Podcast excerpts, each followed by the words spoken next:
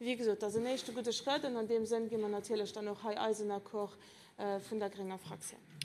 Merci vielmals, Madame Ampin. Am nächsten Tag geschriebene Redner ist nun Herr Fernand Kartheiser. Herr Kartheiser, die Antwort. Ja, Herr Präsident, vielmals merci.